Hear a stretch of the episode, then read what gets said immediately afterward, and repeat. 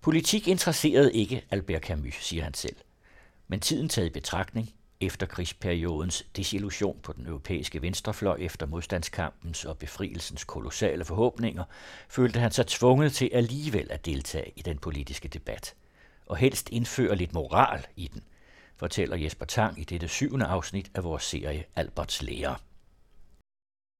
Albert Camus' afvisning af den diviniserede historie af den guddommeliggørelse af historien, som han ser som den dogmatiske socialisme og marxismens store synd, er ikke ens betydende med, at han ikke regner historien for noget eller stiller sig og mennesket uden for den.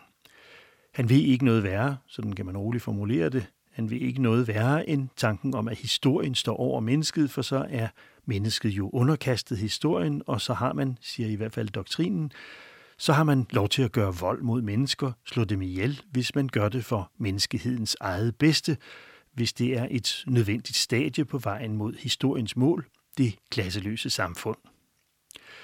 Men sådan kan man kun tænke, hvis man hører til dem, der er så heldige at have en historie, siger Camus indirekte i sin sidste ufærdige roman, Det første menneske.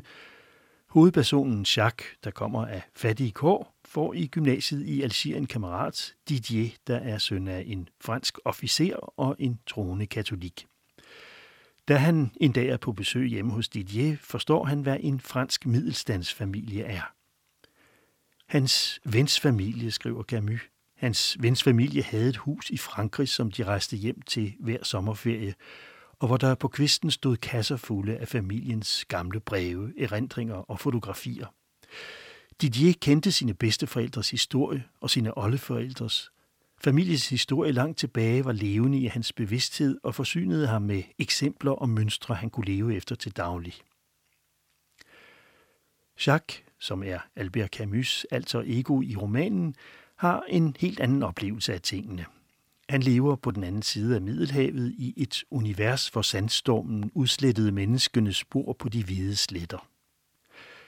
Jeg blev sat ind i verden midt imellem fattigdommen og solen, siger han. Fattigdommen forhindrede mig i at tro, at alt er godt under solen og i historien. Solen lærte mig, at historien ikke er alt. Og hverken historien eller dens øjeblikkelige udmyndning, nemlig politik.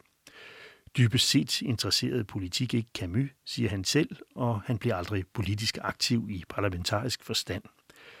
Men i en tid som hans, siger han også, altså modstandsbevægelsen, befrielsens enorme håb om et nyt samfund og den kolossale skuffelse, der fulgte efter sidst i 40'erne, hvor blokpolitikken tog form. I en tid som hans oplevede han det som en pligt at manifestere sit oprør og forsvare dets moralske værdier. Han gjorde det som forfatter, men især som en meget aktiv journalist, med erfaringer fra sin tid som reporter for en Algeravis startede han i 1944 som chefredaktør for modstandsbevægelsens først illegale og senere officielle avis Combat, som han forlod igen i 1947 efter politisk uoverensstemmelse med direktøren, hans ven Pascal Bia. Men mellem 1955 og 1956 skrev han igen freelance 35 artikler til det da nystartede ugemagasin L'Express, oprindeligt i håbet om at hjælpe Pierre Mendes France til magten og derved åbne for reformer i sit hjemland Algier.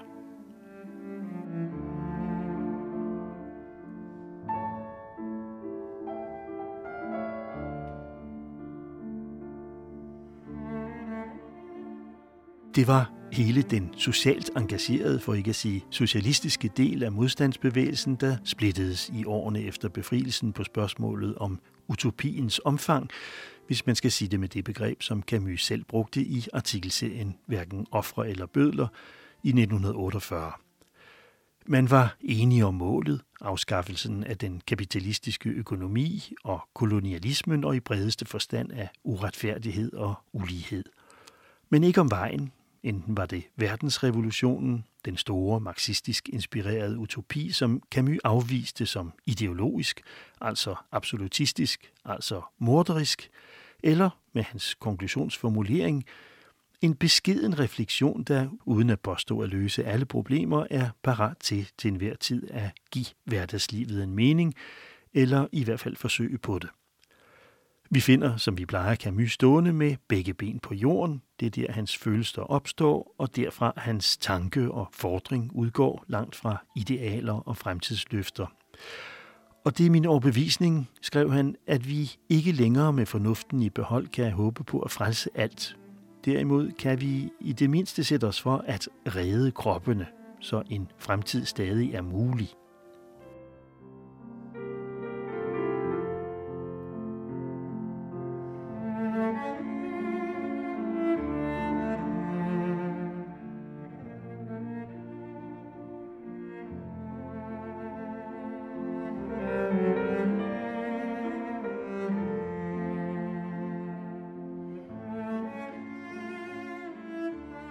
For beskedent, mente et stort antal af de tidligere modstandskammerater, først og fremmest det franske kommunistpartis mange sympatisører på det intellektuelle Pariser Barnas. Naiv, romantiker, en ateistisk helgen var nogle af de skældsord, som blev brugt mod og om Camus. Emmanuel Dastier de la Vigerie, før krigen medlem af den højre ekstremistiske organisation Action Française, under krigen medlem af modstandsbevægelsen og efter krigen kommunist, anklagede direkte Camus for at flygte fra den konkrete politiske scene ind i moralens elfenbindstårn, altså for at gå borgerskabets ærne, og også for at putte kapitalisme og socialisme i samme båd. Men nej, svarede Camus i et par artikler i tidsskriftet Caliban, det er ikke kapitalismen og liberalismen, han mener er af samme natur, men de ideologier, der er udviklet i deres kølvand, imperialisme og marxistisk totalitarisme. Og skal man endelig snakke om at resignere, så består den sande resignation i at give sig hen til blind ortodoksi, acceptere, at man suspenderer grundværdier som frihed og retfærdighed i det kommendes, i utopiens navn.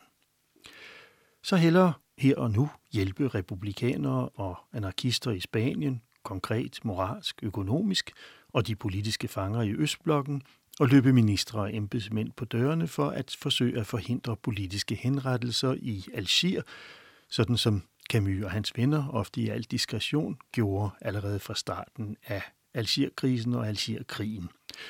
For uden at holde et evigt åbent øje på perspektiverne i de daglige, de løbende begivenheder, hvad Camus også gjorde, det er artikelsamlingerne Aktuelle, der er tre af dem, et klart vidnesbyrd om op igennem 50'erne.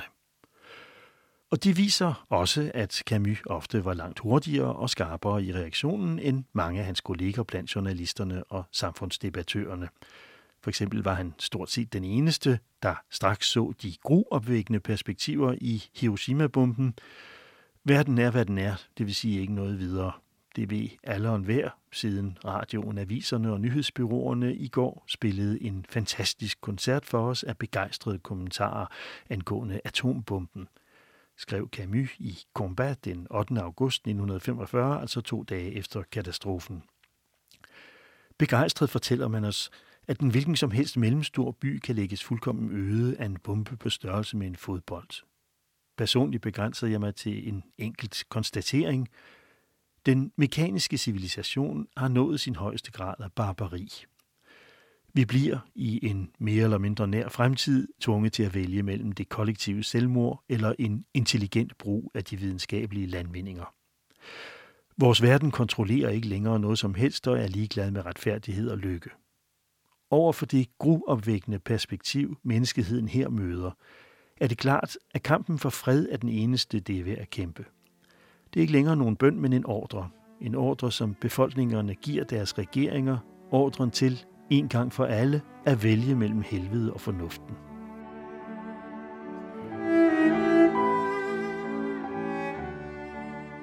J'essaie en tout cas, solitaire ou non, de faire mon métier. Et si je le trouve parfois dur, c'est qu'il s'exerce principalement dans la ces affreuse société intellectuelle où nous vivons, où l'on se fait un point d'honneur de la déloyauté. Jeg prøver, alene eller ej, at gøre mit job. Og når jeg indimellem synes, det er barsk, er det først og fremmest, fordi jeg gør det i det frygtelige intellektuelle samfund, vi lever i, hvor man sætter en ære i at være illoyal, hvor refleks har erstattet refleksion, hvor man tænker i slogans, og hvor ondskabsfuldhed alt for tit prøver at give sig ud for intelligens. Jeg hører ikke til de frihedselskere, der besmykker friheden med dobbelte lænker, og jeg er heller ikke en af de retfærdighedens tjenere, som mener, at man tjener den bedst ved at lægge flere generationer i uretfærdighedens arme. Jeg lever så godt jeg kan i et ulykkeligt land, der er rigt i kraft af sit folk og sin ungdom, og midlertidigt fattigt i kraft af sin elite. På jagt efter en orden og en renaissance, som jeg godt tror, det kan finde.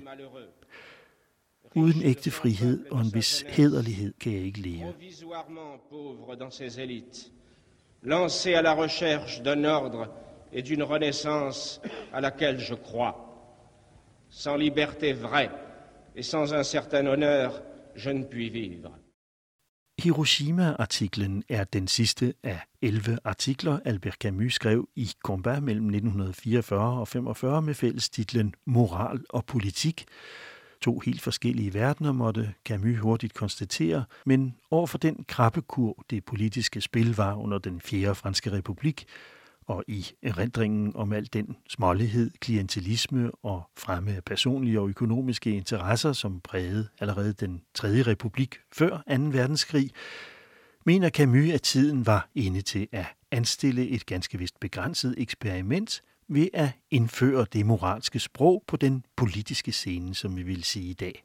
Kort og godt, lægge politikernes ord og handlinger under etikkens lup.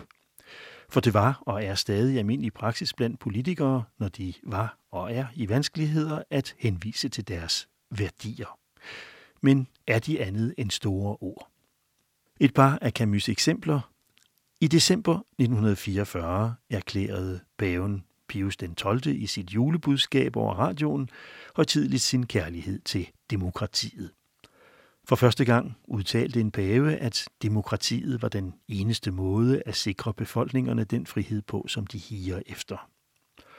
Camus bemærker, at paven taler om både det republikanske og monarkiernes demokrati, og at begge former ifølge paven hviler på folkets og ikke på massernes magt. For, som paven sagde, masserne er demokratiets og frihedens fjende nummer et. De hælder altid til tyranni, umådehold og vold.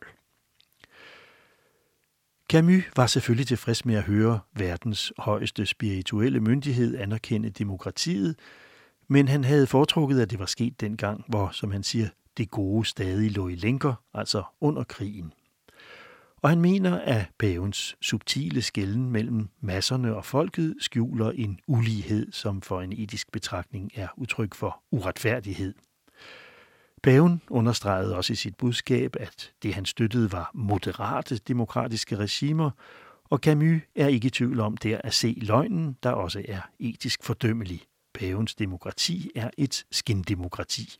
De første kristne var ikke spor moderate, og verden af i dag har ikke brug for lunkne sjæle, skriver Camus, men for ildsjæle, der kræver ubetinget frihed og ubetinget retfærdighed.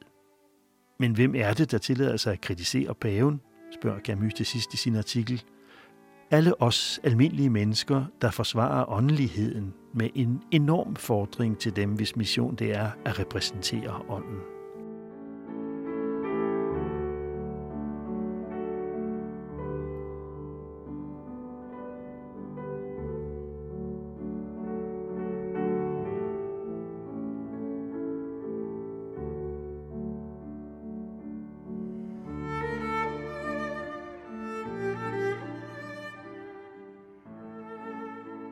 Man taler i øjeblikket meget om orden, fordi orden er en god ting, og fordi den er noget, vi har savnet meget.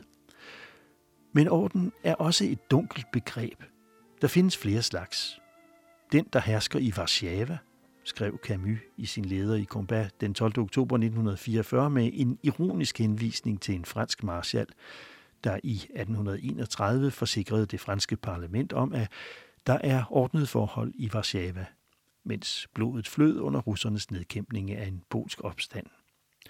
Altså løgnens orden. Og så er der den orden, der skjuler uorden, og der er hjerternes og bevidsthedens ophøjede orden, der hedder kærlighed, og så den blodige orden, mennesket, der fornægter sig selv og tager magten i had. Men hvad er blandt alt dette den gode orden, den gode sociale orden, vi taler om i dag? Er den blot ro i gaderne, spørger Camus? Nej, for i august 1944, altså befrielsen af Paris, begyndte ordenen med uorden i Paris' gader og viste, at ordenen kommer af en fuldført revolution, mens den ufuldførte og ufuldendte indsætter uorden. Er orden så regeringens enhed? Den er vigtig, men det er ikke nok, for der var enhed i det tredje riges regering, men ikke sand orden i Tyskland. Kan den individuelle orden hjælpe os? At have orden i sit liv er at leve sådan, at ens adfærd stemmer med det, man tror på. Oprøreren, der dør for det, han tror på, i lidenskabens uorden, har orden i sit liv. Det er til gengæld ikke tilfældet med borgeren, der lever i ro og velstand, men er angst for sin opsparing. Et Frankrig, der lever i forsigtighed og følelseskulde, er et land i stor uorden. Konklusion ifølge Camus, ingen orden uden ligevægt. Social orden kræver balance mellem regeringen og borgerne. Orden er ikke kun en forudsætning for, at regeringen kan styre korrekt.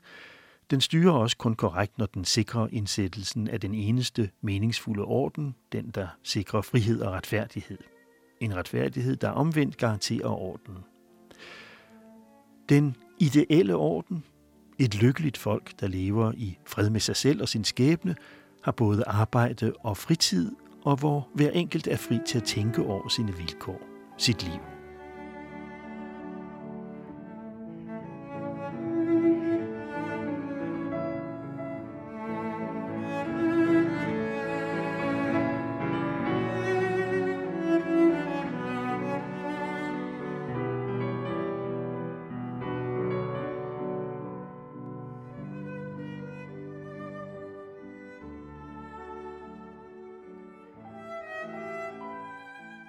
Camus opfordrer med andre ord politikerne til at tage sig den frihed, som han kræver, at alle borgere skal have, og som for ham selv var uomgængelig.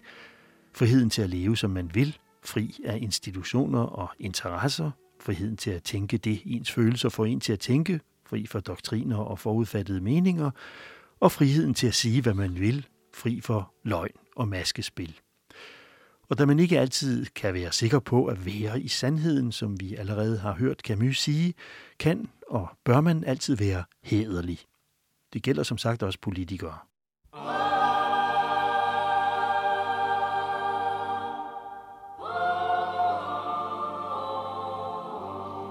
Vous n'avez réclamé la gloire, ni les larmes, ni l'orgue, ni la prière aux agonisants. Onze ans déjà, que cela passe vite, onze ans, vous vous étiez servi simplement de vos armes. La mort n'éblouit pas les yeux des partisans. I krævede hverken heder eller tårer, hverken orl eller bønder for de døende. I havde blot betjent jer jeres våben. Døden blænder ikke frihedskæmperens øjne skrev en af Camus' kompagnoner fra modstandsbevægelsen, digteren Louis Aragon, som tog kommunismens og den store utopis parti efter krigen, men det vil kunsten ikke vide af. Aragons hyldest, et tidsbillede, gælder 23 overvejende jødiske, spanske og østeuropæiske fremmedarbejdere i Frankrig, der blev dræbt af nazisterne. 23, der gav deres hjerte før tiden, 23 udlændinge, men også vores brødre, 23, der elskede livet højt nok til at dø for det. 23, der skreg Frankrig, da de styrtede. Quand les fusils fleurirent, 23 qui donnaient leur cœur avant le temps. 23 étrangers, nos frères, pourtant, 23 amoureux de vivre à en mourir. 23 qui criaient la France en s'abattant.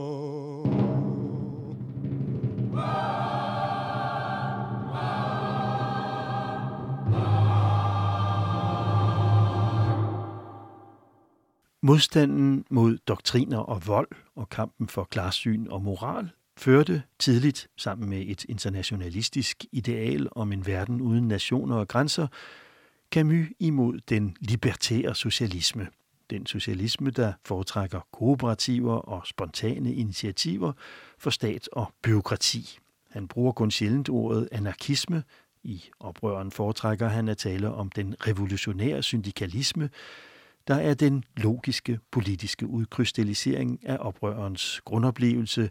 Jeg gør oprør, altså er vi. Det afføder, siger Camus, en helt ny form for egoisme, nemlig den, der siger, jeg har brug for de andre, der har brug for mig.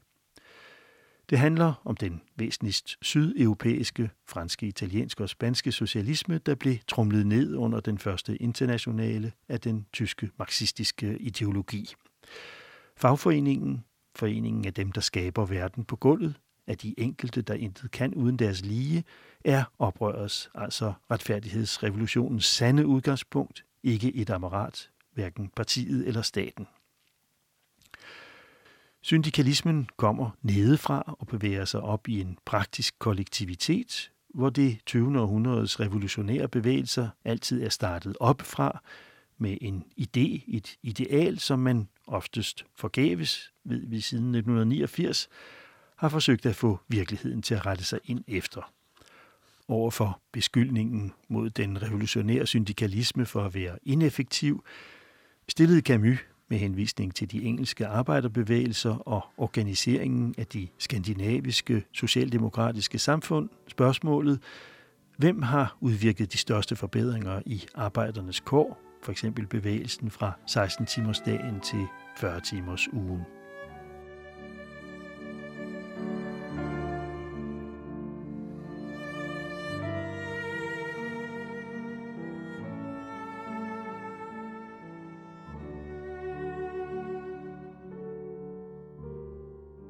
I sit private liv følte Camus sig altid meget bedre tilpas blandt fagforeningskolleger end i de intellektuelle kredse, hvor han blev ved med at færdes som konsulent og udgiver på det store forlag Gallimard, hvor han også havde et fast kontor.